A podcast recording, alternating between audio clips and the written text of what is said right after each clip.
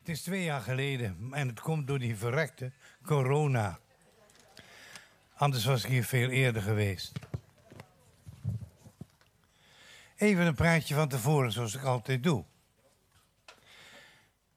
Eén keer per jaar kom ik altijd hier. De ene zondag in Hoensbroek en de andere zondag in Schinnen. Twee gemeenten in het land waar ik heel graag kom. En ik jok echt niet. Dit zijn gemeenten waar ik heel graag kom. Er zijn gemeenten ook waar ik minder graag kom. Maar ik ga er inderdaad heen omdat ik de kans krijg om daar het woord te brengen. Maar ik kijk altijd zo uit naar de vrolijkheid en de liefde in Hoensbroek en hier in Schinnen. Dit jaar is het wat anders. Normaal huren wij een huisje, maar dit was ons te duur. En wat we nu gedaan hebben bevalt ons niet. We zijn nu tien dagen in Motel De Valk in uh, Stijn. En dat bevalt ons niet. Het is één kamer. En uh, ach, we hebben toch heel wat bagage bij ons. Zo tien dagen. En we hebben gezegd, dat doen we niet meer. We hadden gisteren nog een gesprekje samen. Ik zei tegen mijn vrouw, zal ik nu zeggen tegen de mensen in Schinnen... dat dit mijn laatste keer is dat ik hier kom. Want het is een verschrikkelijk eind weg. En toen zei ze, dat moet je niet doen.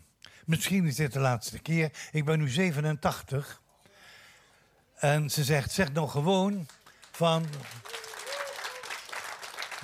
We proberen volgend jaar, en dan ben ik 88, ook nog een keer te komen. Ik moet u zeggen, het spreken dat gaat bijzonder goed. En daar ben ik blij mee. Maar ik merk wat de Bijbel zegt, de tent wordt afgebroken. Ik zei laatst tegen mijn internist, en hij zei tegen mij, dominee, wat ziet u er toch goed uit? Ik zei, dokter, dat kan best, maar het interieur, dat is aan vernieuwing toe. en dat is ook waar. Het leven is soms niet makkelijk. Toen ik twee jaar geleden bij u was, geloof ik dat ik toen heb gezegd dat onze jongste dochter dat die kanker had. En zegt niet direct halleluja, want het is met kerst was hij clean. Alleen het is weer teruggekomen. Twee stukjes weer op haar longen, twee vlekjes op haar longen. En daar zijn we toch weer grote zorgen over. En net voordat we weggingen, viel onze oudste dochter, die ging van haar fiets af. En die zakte, meen ik, zoals ik het hoorde, door haar enkel. En haar arm en haar, haar uh, elleboog, die is niet goed. Twee artsen zijn bezig geweest, zes uur in het ziekenhuis, om haar te opereren. En uh, ze heeft ook een, ze is een flinke vrouw, heel erg flink. Zij is directrice van zo'n verpleegtehuis. Maar elke dag als we haar opbellen, dan is dat heel prettig. Maar het eindigt toch altijd weer in tranen, omdat ze die arm bijna niet gebruiken kan. En uh, dat was heel verdrietig dat we haar zo achter moesten laten. Haar man is er dus en daar zijn we heel erg blij mee. Maar als wij thuis waren geweest, dan waren we daar waar het even kon, waren we haar gaan helpen. Dus ook die dingen die gaan ook niet aan ons voorbij. Het is nu eenmaal zo, het leven hier op aarde, dat is een leven vaak van problemen, van sores en van zorgen. Maar ik moet u zeggen, het neemt de vreugde van mij niet weg om te preken en om blij te zijn. Nogmaals, fijn dat we weer in Schinnen zijn, in een kom gemeente. Er is nog een kom gemeente waar ik vier, vijf keer per jaar kom. En dat is Kapel aan de IJssel. En daar kom ik wat vaker, want het is wat dichterbij. Waarom jullie ook zo enorm ver weggegaan zijn, dat is me de raadsel. Maar jullie leven wel, en dat moet ik nadrukkelijk zeggen, hier in het paradijs. Wat is het mooi in Limburg. Wat is dit hier mooi. Het is een van de allermooiste provincies. Alleen het is zo verschrikkelijk ver bij ons vandaan. Maar ja, ik word een dagje ouder en daarbij hebben we ook nog pech met de auto gehad. Het zat ons allemaal niet mee. Dit keer in, uh, in Schinnen. En we hopen, Deo volente, dat betekent, zo de Heere wil. En we leven, dat het volgend jaar beter zal zijn. Goed, we gaan nu naar een fantastisch Bijbelgedeelte. Ik heb een Bijbelgedeelte van ik tegen mijn vrouw zei: wat jammer. In nu ik het Bijbelgedeelte ga behandelen, dat we geen avondmaal hebben. En hebben we toch ook avondmaal. Heel bijzonder. En ik zeg ook niet dat het zo'n leiding van de Heer is, maar dit is toevallig. God heeft vaak toevalligheden en daar zijn we dan verschrikkelijk blij mee. U merkt, ik ben altijd toch wel een heel nuchter mens. En als ik in de kerk ben, in de zaal van jullie, heb ik altijd een klok. En die mis ik nu. Dus ik ik leg mijn klokje neer, anders zitten jullie vanmiddag nog om drie uur hier. Ik weet, dit zullen jullie niet erg vinden. Nee, maar uh, ik vind het wel erg. Want ik preek tegenwoordig wat korter, een kwartiertje, tien minuten. En dan gaan we weer op u aan, zeggen ze in Drenthe. Goed, ik lees een paar versen uit 1 Koningen 18. 1 Koningen 18. En dan staat er in 1 Koningen 18, vers 36. Op de tijd nu dat men het avondoffer brengt, trad de profeet Elia naar voren. En hij zei, Heere, God van Abraham, Isaac en Israël, heden mogen bekend worden dat u God bent in Israël en dat ik uw knecht ben en op uw bevel al deze dingen doe. Antwoord mij, Heere, antwoord mij, opdat dit volk weten dat u, Heere, God bent en dat gij het hart weer terugneigt. Toen schoot het vuur van de Heer neer, verteerde het brandoffer en het hout, de stenen en de aarde en legde het water in de groeven op. Toen het gehele volk dat zag, wierpen zij zich voor hun aangezicht en zeiden, de Heere die is God, de Heere die is God. Daarop zei Elia tot hen, greep de profeten van de Baal.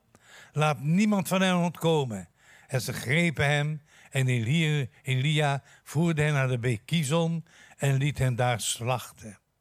Dat laatste zinnetje is niet zo mooi, maar daar kan ik ook niks aan doen. Ik ben er niet bij geweest.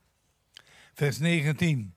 Toen Agab en Anizebel verhaalden alles wat Elia gedaan had en hoe hij al de profeten met het zwaard had gedood, zond Izebel een bode tot Elia om te zeggen, zo mogen de goden doen, ja nog erger. Indien ik morgen om deze tijd uw ziel niet gelijk zal maken aan de ziel van een hunner. En toen hij dat had vernomen, maakte hij zich reed en ging weg om zijn leven te redden. En gekomen te Berseba, die tot Juda behoort, liet hij zijn knecht achter. Zelf trok hij één dag reis ver de woestijn in. En hij ging zitten onder een bremstruik en begeerde te mogen sterven. En hij zei, het is, het is genoeg. Neem nu, Heer, mijn leven, want ik ben niet beter dan mijn vaderen. Daarop legde hij zich neer en sliep in onder een bremstruik. Doch zie, daar raakte een engel hem aan. En hij zei tot hem, sta op. En toen hij rondzag, was er aan het hoofdeinde een koek op gloeiende stenen gebakken. En een kruik met water. Hij had en dronk. En hij legde zich weer neer. Doch ten tweede male raakte de engel des Heren hem aan. En zei, sta op en eet, want de reis zal voor u te kort zijn. Toen stond hij op, at en dronk en ging door de kracht van die spijs veertig dagen en veertig nachten tot aan het gebergte Gods Horeb. Hij ging door de kracht van die spijs veertig dagen en veertig nachten. En het was alleen nog maar een koek en een kruik met water. En als je dan avondmaal viert, brood en wijn, dan ga je langer dan 40 dagen en 40 nachten. Eigenlijk is de tekst waar ik ben blijven hangen, die paar woordjes. En die zei, het is genoeg. Het is genoeg. Ik denk, dat hebben heel veel mensen gezegd in de afgelopen periode. Het is genoeg. Hoeveel mensen zijn niet ziek geworden, ernstig ziek geworden, misschien ook wel in Brabant en in Limburg. Hoeveel mensen zijn niet gestorven met al de gevolgen van dien? Een stuk verdriet, een stuk rottigheid in de gezinnen. En hoeveel mensen hebben zich niet eenzaam gevoeld? En dan denk ik aan ouderen in verpleegtehuizen, in bejaardentehuizen, die geen mensen meer konden ontvangen. Het is genoeg. Wat een faillissementen. Wat is er een hoop ellende gebeurd in deze anderhalf jaar. En ik moet eerlijk zijn, het is mijn vrouw en mij helemaal ontgaan, gelukkig. We zijn niet ziek geworden. We hebben wel twee injecties gehad. Men zegt de goede van Pfizer. Ik zeg dit er even bij. Misschien zijn er mensen die daar tegen waren. Dat is u goed recht. Ik was daar niet op tegen. We hebben er twee gehad. En probeer ook niet met mij daarover te discussiëren. Als u zegt, ik was erop tegen. God zegen u. Wij waren er niet op tegen. We zijn niet ziek geworden. We hadden geen dikke arm. We zijn niet ziek geworden. Geen dag, geen uur, geen minuut. En we waren blij dat we het hadden. We konden ons wat makkelijker te midden van de mensen bewegen. En we gebruiken wel meer dingen. Ik gebruik een bloedverdunner. En ik gebruik vaak paracetamol. En ik gebruik vaak meer van die rotzooi. En als je en als je de bijsluiter gaat lezen, dan denk je: jongens, jongen, je krijgt er geen hoofdpijn van, maar wel diarree. Wat een ellende allemaal. Dus ik maak me er helemaal niet druk om. Ik ben in de kan, in de hand van de Heere God. Het is genoeg, het is genoeg, zegt Elia. En ik vind het zo fijn om te kunnen vertellen dat Elia dat zegt. Want Elia was toch wel een heel bijzonder mens. Jacobus zegt, Elia was een mens gelijk wij. Hij bad een gebed dat het niet regenen zou en het regende niet. En hij bad opnieuw een gebed en het regende weer. Elia, ach, ik vind het altijd een beetje moeilijk om te zeggen, hij was een mens zoals wij, hij was een mens zoals ik. En ik heb Elia bijzonder hoog. Ik ga er even met u op in, want Elia neemt in de Bijbel een veel bijzondere plaats in dan menigeen van u denkt. Ik denk bijvoorbeeld aan Matthäus 17. Daar is Jezus op de berg met Mozes en met Elia. Eerst met zijn discipelen, Jacobus, Johannes, Petrus. En dan verschijnen daar ook Mozes en Elia. En zij spreken met Jezus over zijn uittocht naar het kruis en naar Gethsemane. Wat we vaak niet weten, en ik geloof dat het echt zo is, dat Elia en Mozes ook vertegenwoordigd waren bij de opstanding van Jezus. En ik zal het u voorlezen, Lucas 24. En het geschiedde, terwijl zij daarin over spraken, dat waren die vrouwen, ze waren in grote verlegenheid. Zie, twee mannen in een blinkend gewaad stonden bij hen. Het waren twee mannen en ik geloof niet dat het engelen waren. Het waren Mozes en Elia, want ze nemen in de Bijbel zo'n hele bijzondere plaats in. Ik ga met u naar de hemelvaart van Jezus, Handelingen 1, vers 10. En toen zij naar de hemel staarden, dat waren de discipelen, terwijl Jezus heen voer, zie twee mannen in witte klederen stonden bij hen. En die twee mannen die zeiden, zoals hij opgevaren is naar de hemel, zo zal hij ook weer terugkomen. Weer die twee mannen. En notabene ook in de eindtijd. En ik weet, u bent daar zo mee op de hoogte. U leest regelmatig uw Bijbel. Read your Bible. Pray every day if you want to grow. Openbaring 11, vers 3. En ik zal mijn getuigen zenden. En de ene de naam wordt niet genoemd, maar die was in staat om de hemel te sluiten, zodat er geen regen viel. En de andere, die had macht om het water in bloed te veranderen. Dat zijn Mozes en Elia. Je komt ze altijd weer tegen. Het laatste boekje van de, het Oude Testament, Malachi. Zie, ik zend u de profeet Elia, voordat de grote en geduchte dag des Heren komt. Elia en Mozes hebben een hele bijzondere plek. Ik ga nog even terug naar die eerste tekst uit Matthäus 17, de verheerlijking op de berg. Wat een bijzondere tekst. Daar staan ze allemaal, Mozes en Elia. Mozes, de Torah, de wet, en Elia, de profeten. En dan komt de Heere God en die zegt, en dat is heel bijzonder, dit is mijn geliefde zoon hoort hem. En het staat er heel bijzonder in de grondtekst. En ik zal u vertellen wat het bijzondere is. Het lijkt wel alsof God wil zeggen: Dit is mijn geliefde zoon. Hoort alleen nog maar naar hem. Mozes is voorbij gegaan. De wet is voorbij. De Torah is voorbij.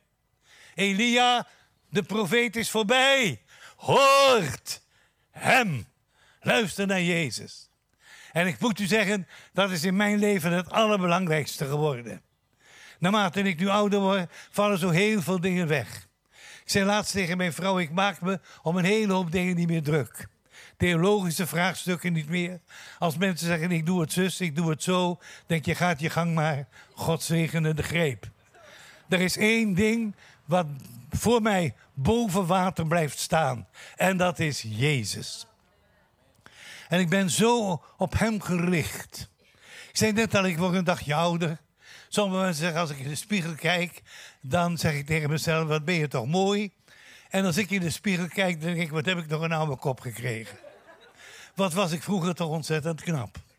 Maar dat, was, dat is waar eenmaal. Dat is Duits, hè. Dat is waar eenmaal. In elk geval, Jezus is voor mij blijven staan. Ik zei tegen die internist, hij zei laatst tegen mij, ik vind u, hij is zelf een atheïst, zegt hij. Hij zegt tegen mij, ik vind u zo'n bijzonder gelovig mens. Ik zei, dokter, dan vergist u zich. Ik ben niet zo gelovig. Dat ben ik echt niet. Ik zeg, het Griekse woord voor geloven is pistuo. En het heeft drie betekenissen. Dat is geloven, dat is vertrouwen en het is gehoorzamen. Dat is al drie hetzelfde. Als ik mijn vrouw geloof, dan vertrouw ik haar ook. En als ze zegt, dit moet je doen, dan gehoorzaam ik ook. Ik ben erg gehoorzaam aan mijn vrouw. Andersom is het vaak anders. In elk geval, ik zei, dokter, laat me dat geloof nou wegvallen. Er is één persoon die ik vertrouw. En dat is Jezus. En die vertrouw ik voor de volle 100% en ik kan hem niet altijd vatten. Hij heeft bijvoorbeeld gezegd, in het huis van mijn vader zijn veel woningen. Anders zou ik het u gezegd hebben. Ik ga heen om u een plaats te bereiden. Wat zou ik graag over die woning wat willen weten? Zijn er ook bedden? Ik vind het zo heerlijk om een bed te hebben. Ik heb het soms moeite om naar bed te gaan. Maar ik heb nog meer moeite om eruit te komen. In het huis van mijn vader zijn veel woningen. Ik heb geen idee hoe, dat, hoe die woning eruit ziet. En eerlijk, dat meen ik oprecht. Ik zou het graag willen weten. Had hij daar nog maar wat meer over verteld. Maar ik vertrouw hem voor de volle 100% En dan komt dat goed. In elk geval, Elia was een heel bijzonder mens. Als je de Bijbel leest, dan ben je verbaasd wat hij bijvoorbeeld deed met die weduwe van Sarfat. Het meel in de pot, dat kleine beetje, raakte niet op. En de olie in de kruik ontbrak niet. Wat een kapitaal wonder. En dat wat we net samen hebben gelezen, dat hele gebeuren daar op de Karmel. In elk geval die 500 Baalpriesters, die slacht hij. Een poosje geleden, misschien een paar jaar geleden, dat is een heel poosje, zei een student tegen mij: Is dat nou echt Gods wil? Is dat nou echt woord van God? En misschien bent u het niet met me eens. Ik heb gezegd: Nou, ik wil niet zeggen dat is woord van God. Ik wil zeggen, Elia was behoorlijk gefrustreerd. Gefrustreerd op zijn volk Israël, gefrustreerd op die Baalpriesters. En hij heeft toen misschien dingen gedaan waar misschien zelfs de Heere God niet achter stond maar het wordt vermeld in de Bijbel. En het blijkt ook wel, als Izebel het allemaal hoort, dat ze zegt, ik ga die profeet Elia, die ga ik doden. En dan gaat hij vluchten. En dan vlucht hij de woestijn in. En ik heb het u net voorgelezen. Dan gaat hij daar zitten onder een bremstruik. Een wonderlijke vertaling in het Nieuwe Testament. In de Statenvertaling staat: hij ging zitten onder een jeneverstruik. Moet je niet doen. Je moet niet onder je nevenstruik zitten. Het verbaast mij verachtig dat er zoveel mensen zijn die onder je nevenstruik zitten. Wat wordt er veel? Ach, misschien mag ik het niet lelijk zeggen. Dan krijg ik, hoor ik het straks van mijn vrouw. Maar wat wordt er veel gezopen, ook onder christenen. Onvoorstelbaar. Wil je, wat merkwaardig al die verkleinwoorden, wil je een biertje? En wil je een wijntje? Met kerst ook, engeltjes in het lucht. En de herdertjes kwamen bij nachten alsof het allemaal liliputtetjes waren. Onvoorstelbaar, al die verkleinwoorden. In elk geval, hij ging zitten onder de jeneverstruik. En zei, Heer, het is genoeg. Laat me nu maar sterven. Ik moet u zeggen, ik ben heel erg blij dat dit in de Bijbel staat. Want Elia is in mijn gedachten een bijzonder mens, een zeer bijzonder mens. En net als Elia, ook wij. We hebben onze ups en onze downs. De duisters die zeggen ons zo mooi. Het is soms hemelhoog jauchzend en soms trode betrupt. En dat is waar. Licht en duisternis, ze liggen zo ontzettend dicht bij elkaar. De dag en de nacht. Alle mensen hebben ogenblikken van depressie. Tijden van inzinking. En ik denk, daar moeten we ons niet voor schamen. Iedereen heeft dat. Het lijkt soms wel een beetje. En ik u weet, ik kom dus uit een kerk vandaan. En ik moet u zeggen, we hebben heel, heel veel zegen gehad. En ik heb geen enkel plan om modder te gooien in die vijver. Maar het lijkt soms wel, als je in Pinksteren komt, in Pinkstergemeente, dan moet je altijd blij zijn. Het is altijd halleluja. En het is niet waar. Dat zijn momenten van depressie. Dat zijn mensen van pijn. Dat zijn de momenten van ziekte. Dat zijn mensen, momenten dat je dit helemaal niet meer ziet zitten. Dat zijn zelfs momenten dat je zegt, Heere God, waar bent u nou? Het is zo ontzettend donker in mijn hart en misschien wel in mijn ziel geworden. Het was jaren geleden. Heel lang geleden. En ik had contact met de griffemeerde dominee. Uit eerbied noem ik even niet zijn naam. Het was een totaal andere tijd.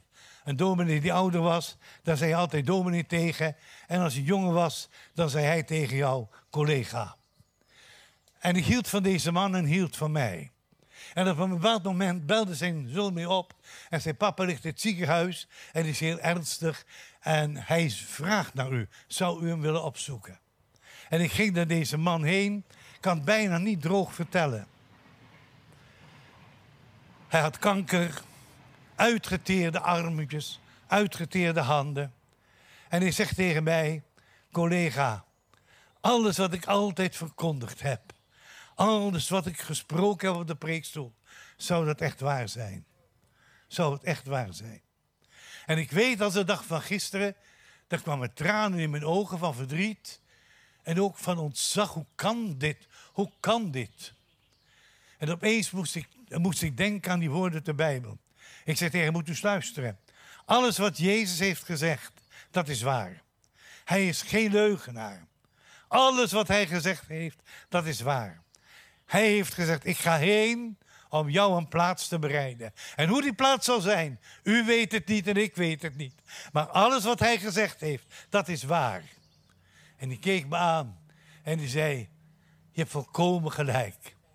En we hebben samen gebeden en na een paar dagen is hij gestorven en ingegaan in de vreugde van zijn Heer. We hebben allemaal van die hoogtepunten en van die dieptepunten. En het is niet waar dat het altijd halleluja en glorie is. Dat zijn van die momenten dat je het helemaal niet meer ziet zitten. En dat je denkt, Heere God, waar bent u nou? Het is donker omheen geworden. En dan staat er in de Bijbel zo mooi dat de Heere God een engel zendt. En ik moet u zeggen, wat is dat heerlijk dat God zulke dingen doet. God heeft engelen die hij zendt. Maar misschien niet altijd. U zegt misschien, ik heb nog nooit, nog nooit een engel ontmoet. Ik vind het fijn om altijd eerlijk te preken. Ik heb één keer in mijn leven, jaren geleden, een engel ontmoet. Was niet leuk. Ik schrok me rot. Ik preekte in de Pinkstergemeente. Ik weet toch precies waar. En een van de ouderlingen zei de afloop tegen mij... de hele dienst toen u preekte, stond er een engel achter u. En ik zei, dacht nou, het zal wel. Pinkstermensen zeggen vaak zo vaak wat. Die zien meer dan ik zie. Ik zie, ik zie wat jij niet ziet. Het zal wel. Maar het was een keurige gemeente. Eigenlijk nog liever dan deze. Want ze brachten mijn tas naar de auto. Dominee, ik breng uw tas naar de auto. Nou, dat gebeurt niet. Dan heb ik ook geen tas bij me. Alleen maar mijn Bijbel. Dus ze brachten mijn tas naar de auto. En toen zei die oude ding: Als u zich nu omkeert, dan ziet u weer die engel. En ik draaide me om. En waarachtig, daar stond die engel. En ik schrok me rot. Ik kan me nu zo voorstellen dat je al door leest in de Bijbel, als er een engel verschijnt aan Maria en noem het maar op, dat er wordt gezegd: vrees niet, wees niet bang. Ik schrok me rot. En ik moet u zeggen, het klinkt misschien niet leuk. Ik hoop het eigenlijk ook niet meer mee te maken. Dit was, een, dit was vreemd. Dit was raar. En natuurlijk zeggen de mensen direct: wat heeft hij gezegd? Hij heeft niks gezegd. Eén ding begreep ik. Onbegrijpelijk. Ga een andere weg terug dan dat je gekomen bent. En ik ben in mijn auto gestapt, ik ben weggereden. En ik denk toen ik twee kilometer buiten die plaats was, dat ik mijn vrouw belde. En ze zei, je was behoorlijk overstuur, dat ik zij moest horen. Ik heb een engel gezien. En ze geloofde me direct. Ze hoorde dat aan mijn stem. Ik was helemaal in de war. Ik was verbijsterd. En ze zei ook, wat heeft hij gezegd? Hij heeft me één ding duidelijk gemaakt. Ga een andere weg terug dan dat je gekomen bent. God stuurt vaak een engel. Ik heb het maar één keer in mijn leven meegemaakt en het hoeft ook niet meer. Maar dat is het geweldige. Als God geen engel stuurt, dan gebruikt God andere mogelijkheden. Ik ga even, even terug. Heel wat jaren terug. Een stukje ervaring. We hadden mensen weggebracht, onze buren, naar een vakantieadres. Het waren geen armzalige mensen. Alleen hij durfde niet auto te rijden en zij kon niet. Het waren aardige mensen en wij zijn nog aardiger. Dus wij brachten ze weg. En toen we waren op de terugweg in Beeldhoven, daar heb je ook, of in de beeld, een de valk. En ik zei tegen mijn vrouw, ach, zullen we daar een hapje eten? En dat deden we. En terwijl we aten, zei ze, ik word helemaal niet lekker. En dat zei ze een paar keer. Ik zei, nou, als hij niet lekker is, dan betaal ik direct, we laten het staan en dan gaan we naar huis. En dat deed ik. En bij de deur zakte ze in elkaar. Dan kwam een ambulance. Ze werd naar het Jacobushuis gebracht. En ik heb er als een gek achteraan gereden, want je weet geen weg in, uh, in, uh, in, in, Utrecht. En uh, ik had ook geen tomtom, -tom, in elk geval. En mijn vrouw is heel erg flink. Ze is flinker dan ik. Ze komt uit het noorden. De Noorderlingen zijn flinke mensen. Uit Drenthe en Groningen. Dat zijn flinke mensen. En dat merk ik ook nu. Als de omstandigheden thuis wat moeilijk zijn, dan heb ik het daar, denk ik, wat, denk ik, denk ik, wat moeilijker mee misschien dan zij. In elk geval, ze zegt tegen mij, ze moest geopereerd worden. Ga jij nou maar lekker naar huis. Ga jij maar lekker naar huis. En dan kom je morgen terug en het is allemaal achter de rug. En glorie, halleluja. En ik ging naar huis. En ik werd direct opgebeld toen ik thuis kwam. En iemand zei of het een verpleegkundige was. Hoe kon u naar huis toe gaan? Het is zeer ernstig met uw vrouw. U moet direct terugkomen. Nou, u snapt, ik kon niet meer auto rijden. Ik was erg nerveus. Alleen voor een van onze ouderlingen woonde een straat achter ons. En die belde ik me op. En ik zei, ach, kun jij me misschien brengen? En natuurlijk deed hij dat direct. En ik zat er op die kamer naast haar, er was een bed voorbij. Ik weet nog precies, het was half twaalf, tien over half twaalf. Ik had een uitzicht naar buiten. Je zag nog een enkele auto rijden, mensen. Ik kon niet slapen. Natuurlijk kan je niet slapen. En ik bad, toch Heer, wat zou het fijn zijn als er nu dan toch een engel kwam. Ik weet me geen raad. En ik had het net gebeden en onvoorstelbaar. Dan kwam die oude emeritus dominee Gerrit Luchtigheid binnen. Hij was predikant in Maarsen. En hoe hij dat aan, aan de weet gekomen is, weet ik niet. Maar hij zei, ik heb gehoord dat je vrouw ernstig ziek is. Hoe die twee, ik heb er geen idee van. Hij kwam binnen en heeft een uur bij me gezeten. We hebben samen gepraat. We hebben samen gebeden. Hij fantastisch krachtige beden. Gereformeerde dominees kunnen ook krachtig bidden. En het was fantastisch. En toen hij wegging, dat wil niet zeggen dat het probleem was opgelost. Maar ik was er wel door. Ik was er wel door. God stuurt soms niet een engel, maar God stuurt soms een oude dominee. En zelfs God stuurt soms hele oude dominees van 87 jaar. In elk geval, het is goddank, dat begrijpt u, anders was hij er niet. Het is na weken, denk ik, of een paar weken, in elk geval is zo afgelopen dat ze naar huis toe kon komen. En ze zit hier vandaag nog prins heerlijk, eigenlijk koningsheerlijk. Dat zijn van die momenten dat God een engel gebruikt. Dat zijn momenten dat God een dominee gebruikt. En toen ik ziekenhuispredikant was, ik ben dat zeven jaar geweest in de Zaanstreek. Toen zei ik tegen een patiënt, en die had, had, het zo moeilijk. Een jonge vrouw van 27 jaar met een hersentumor. Ze moest sterven.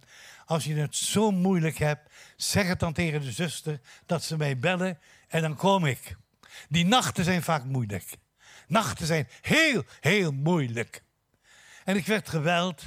Zou u willen komen? En ik ben erheen gegaan. Het was misschien een uur of twee, half twee. En ik had een paar bundeltjes meegenomen van Nel Benschop. En ik ben aan haar bed gaan zitten. En ik heb zomaar een paar van die gedichten van haar voorgelezen. Mooie gedichten, met haar gepraat, met haar gebeden. En toen werd het licht. Ik kon de gordijnen een beetje open doen. En toen zei ze, ach, u hebt mij zo geholpen. U kan wel naar huis toe gaan hoor. God gebruikt soms een bundeltje van een benschop. God gebruikt engelen. God gebruikt mensen. God gebruikt u. God geeft zoveel middelen, te veel, te veel om vaak op te noemen. En dat doet God hier ook bij Elia. Hij geeft hem inderdaad een koek op gloeiende stenen gebakken en een kruik met water. En hij at en hij dronk en hij legde zich ook weer neer. Onvoorstelbaar. Toen kwam God voor de tweede keer, maar niet als een engel, maar dan staat er als de engel des Heren. God kwam als de engel des Heren. En dat is een volkomen andere persoon. U zegt misschien, wat is de engel des Heren? Oh, de Bijbel is zo'n mooi boek. We geloven, de engel des Heren, dat is de oud-testamentische openbaring van God in Jezus Christus. Jezus was in het Oude Testament bezig als de engel des Heren. In het Nieuwe Testament was hij bezig als de zoon des mensen. En ik zal u dat duidelijk maken. U kent allemaal dat verhaal van Mozes bij die brandende braamstruik. En daar verschijnt hem ook de engel des Heren. En dan zegt Mozes op een bepaald moment: Hoe is toch uw naam?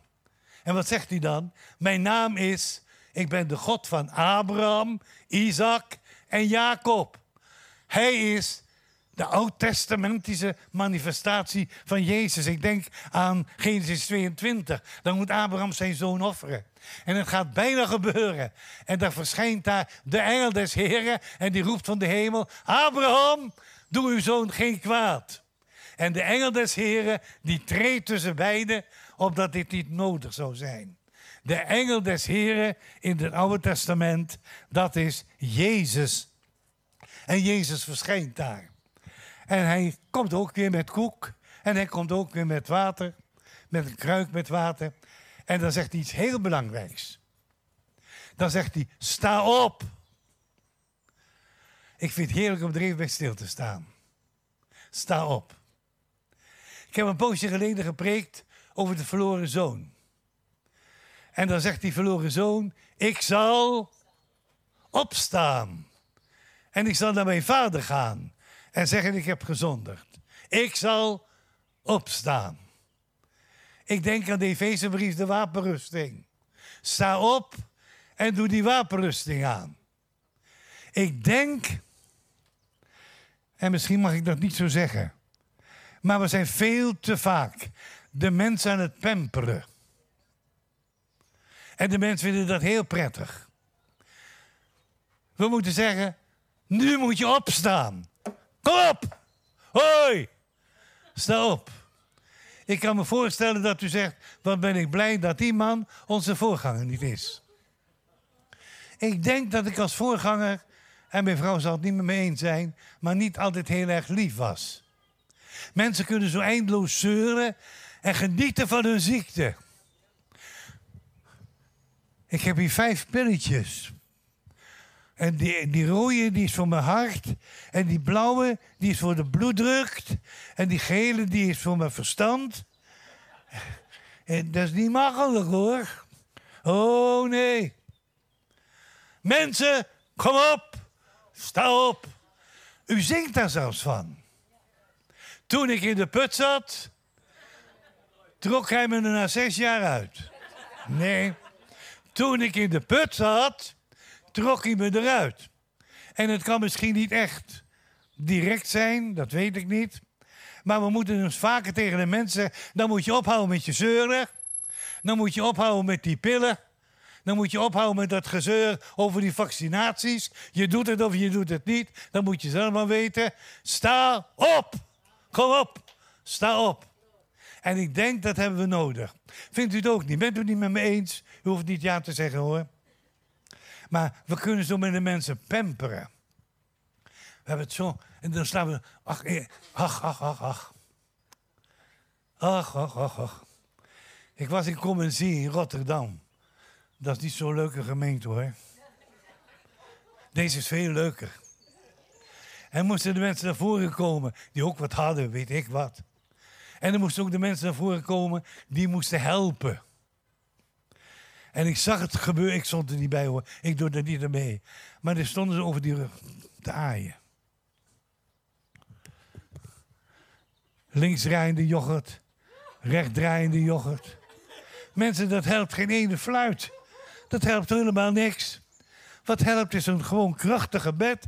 En zeggen, geloof het nu en sta nu op. Sta nu op. En ik denk, dat helpt. Dat helpt. Ik denk, mijn vrouw is het misschien niet zo, maar die is liever. Maar daarvoor is ook vrouw.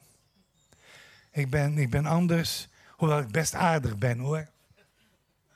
Heel aardig. Sta op! En dan staat hij op. Mensen, en heeft hij geen avondmaal gevierd.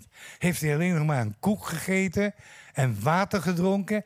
En dan staat er, en door de kracht van die spijs ging hij 40 dagen en 40 nachten naar Horem. Moet je nagaan. Als je dit brood hebt gegeten en je hebt deze wijn gedronken. Lieve mensen, dan ren je als een hinde. Onvoorstelbaar. Dus toen ik hiermee bezig was, zei ik tegen mijn vrouw: Wat zou het fijn zijn als ze daar in Schinnen nu avondmaal zouden hebben. En laat u avondmaal hebben. Dat brood is zo geweldig. Avondmaal heeft voor mij altijd een enorme invloed. Ik ben zo blij met avondmaal. Ik lees zelf altijd een Bijbelgedeelte bij. Dat heb u niet gedaan. U hebt het anders gedaan. Totaal anders, maar wel heel erg mooi. Ik lees altijd dat gedeelte uit Johannes 6. Wie van dit brood eet, die zal niet sterven. Wie van dit brood eet, die zal niet sterven. Dit is toch geweldig. U mag best een keer zeggen halleluja hoor.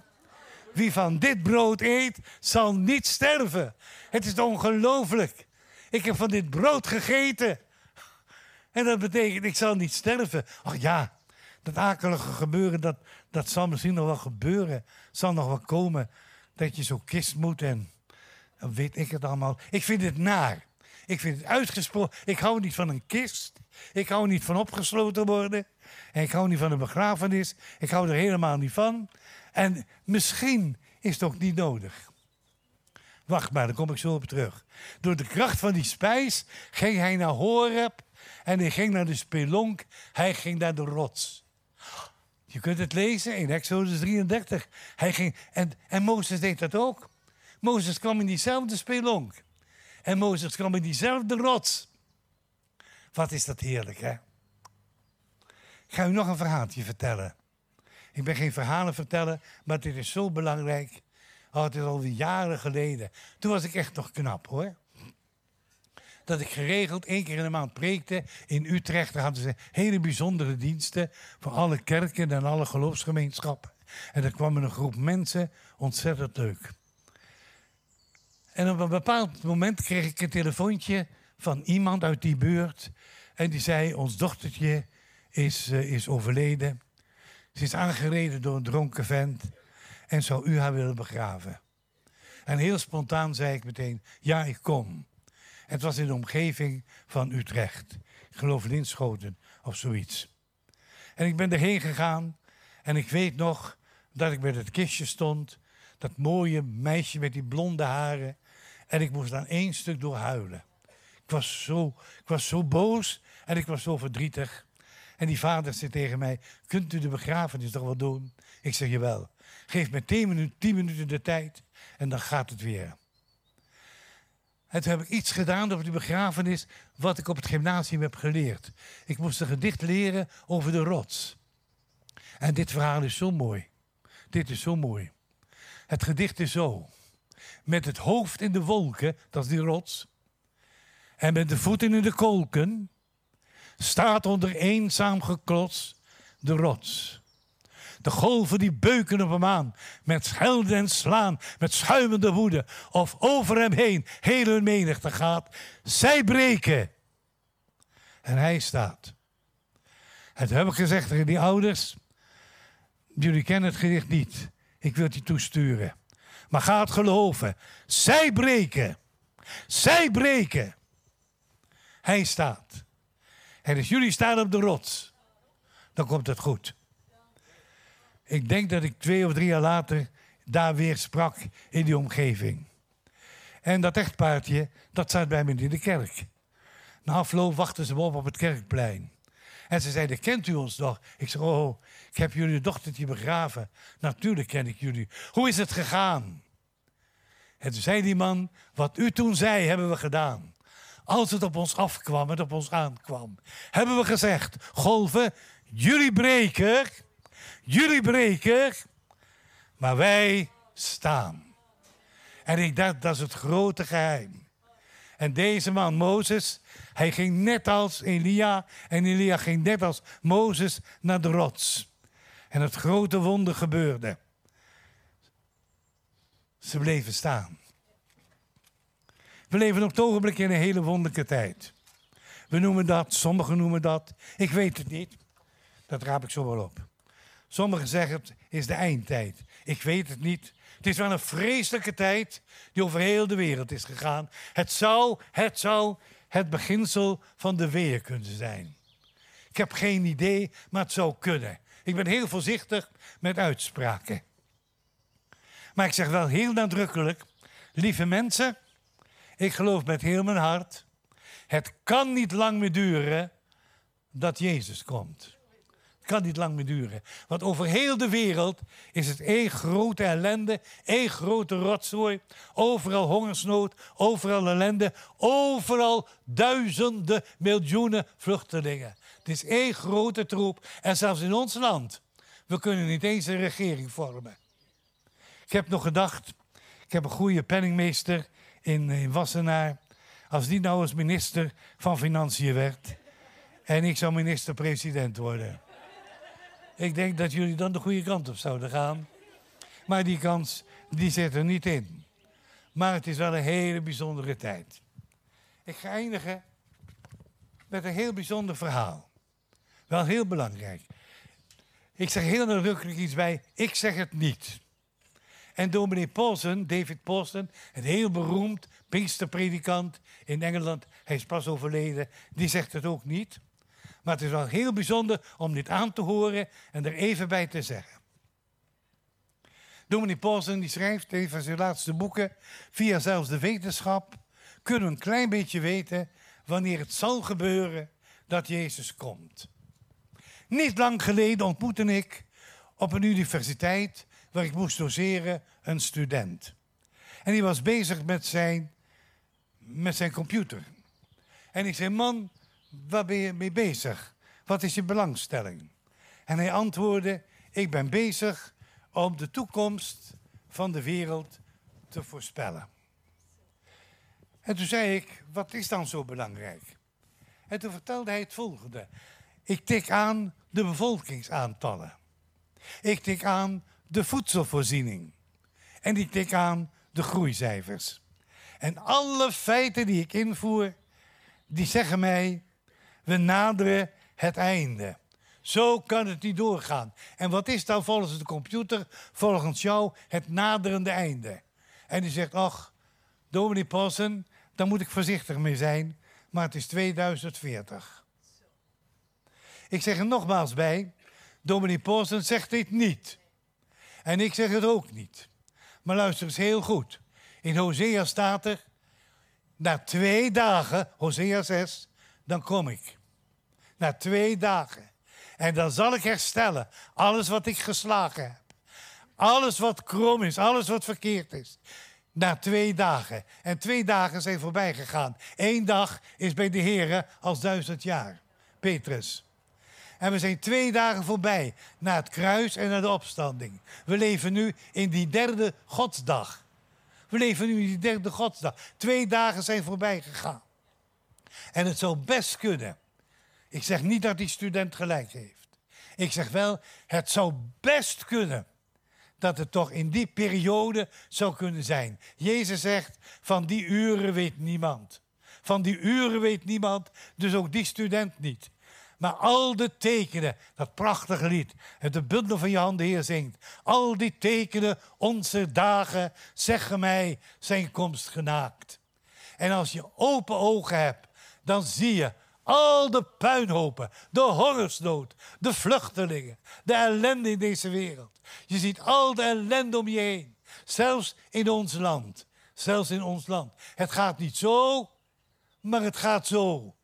Je ziet het om je heen. En ik moet zeggen, het kan niet lang meer duren. Ik moet u zeggen, ik zou het ontzettend fijn vinden als mijn vrouw en ik dat mee zouden maken. Dat wij zo naar de Heer zouden kunnen gaan. Dat we van die ellende af zijn, van een graf kopen en van een kist en al die rotzooi meer. Ik, ik, ik hou er niet van. U, misschien u wel, u ook niet. Hè? Sommigen schudden nee, maar anderen denken, laat ik voorzichtig met die man zijn, met wat ik doe. Ik vind het verschrikkelijk. Maar heer, als het moet, nou ja, dan moet het. Ik kan er ook niks meer aan doen. Maar het zou heerlijk zijn als wij hem tegemoet zouden gaan. In volle glorie, in luister en in heerlijkheid. En dan zingt dat prachtige lied weer, als we daar aankomen. En de ouderen ons die kennen het, die hebben hun keel schor gezeten van je handen, Heer. Maar het heerlijkste is, daar zien wij Jezus. Oh, dat is zo mooi. We gaan eindigen. Even kijken hoe laat het is. Oh, het kan nog wel een half uurtje, hè? Het allerheerlijkste is, Paulus schrijft het zo mooi. We zijn burgers. Oh, fantastisch. Jij mag mijn vicaris worden. Paulus die schrijft, wij zijn burgers van een rijk in de hemel. Nee, nee, ik zeg het verkeerd. Wij zijn burgers van een rijk in de hemelen. Het zijn er veel. Er moeten veel hemelen zijn, want al die mensen die moeten er een plekje hebben. Stel je voor als je in de hemel komt en het is vol, zeg. We zijn burgers van een rijk in de hemelen. Wij komen, mijn vrouw en ik, ja, kan, wij komen in de zevende hemel. Jullie iets lager. Maar daar kan ik ook niks aan doen. We zijn burgers. Mijn vrouw schudt nee.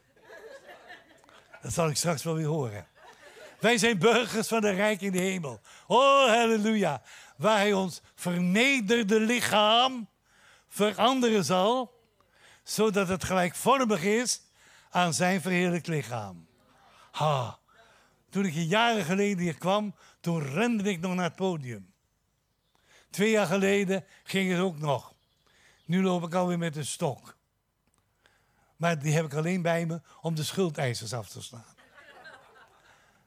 Ach, lieve mensen, we leven in zo'n bijzondere tijd. Maar, ik eindig. U hebt geen koek gegeten en geen water gedronken. U hebt brood gegeten en wijn gedronken. En misschien mijn laatste woorden vandaag zijn. En door de kracht van die spijs gaat u langer dan 40 dagen en 40 nachten. Totdat u verschijnt niet in Horeb, maar doordat u verschijnt voor de troon van de levende God. En wat een glorie en wat een heerlijkheid zal dat zijn. En als u het eens bent met deze prediking, dan mag u zeggen met mond en met hart. Amen. Amen.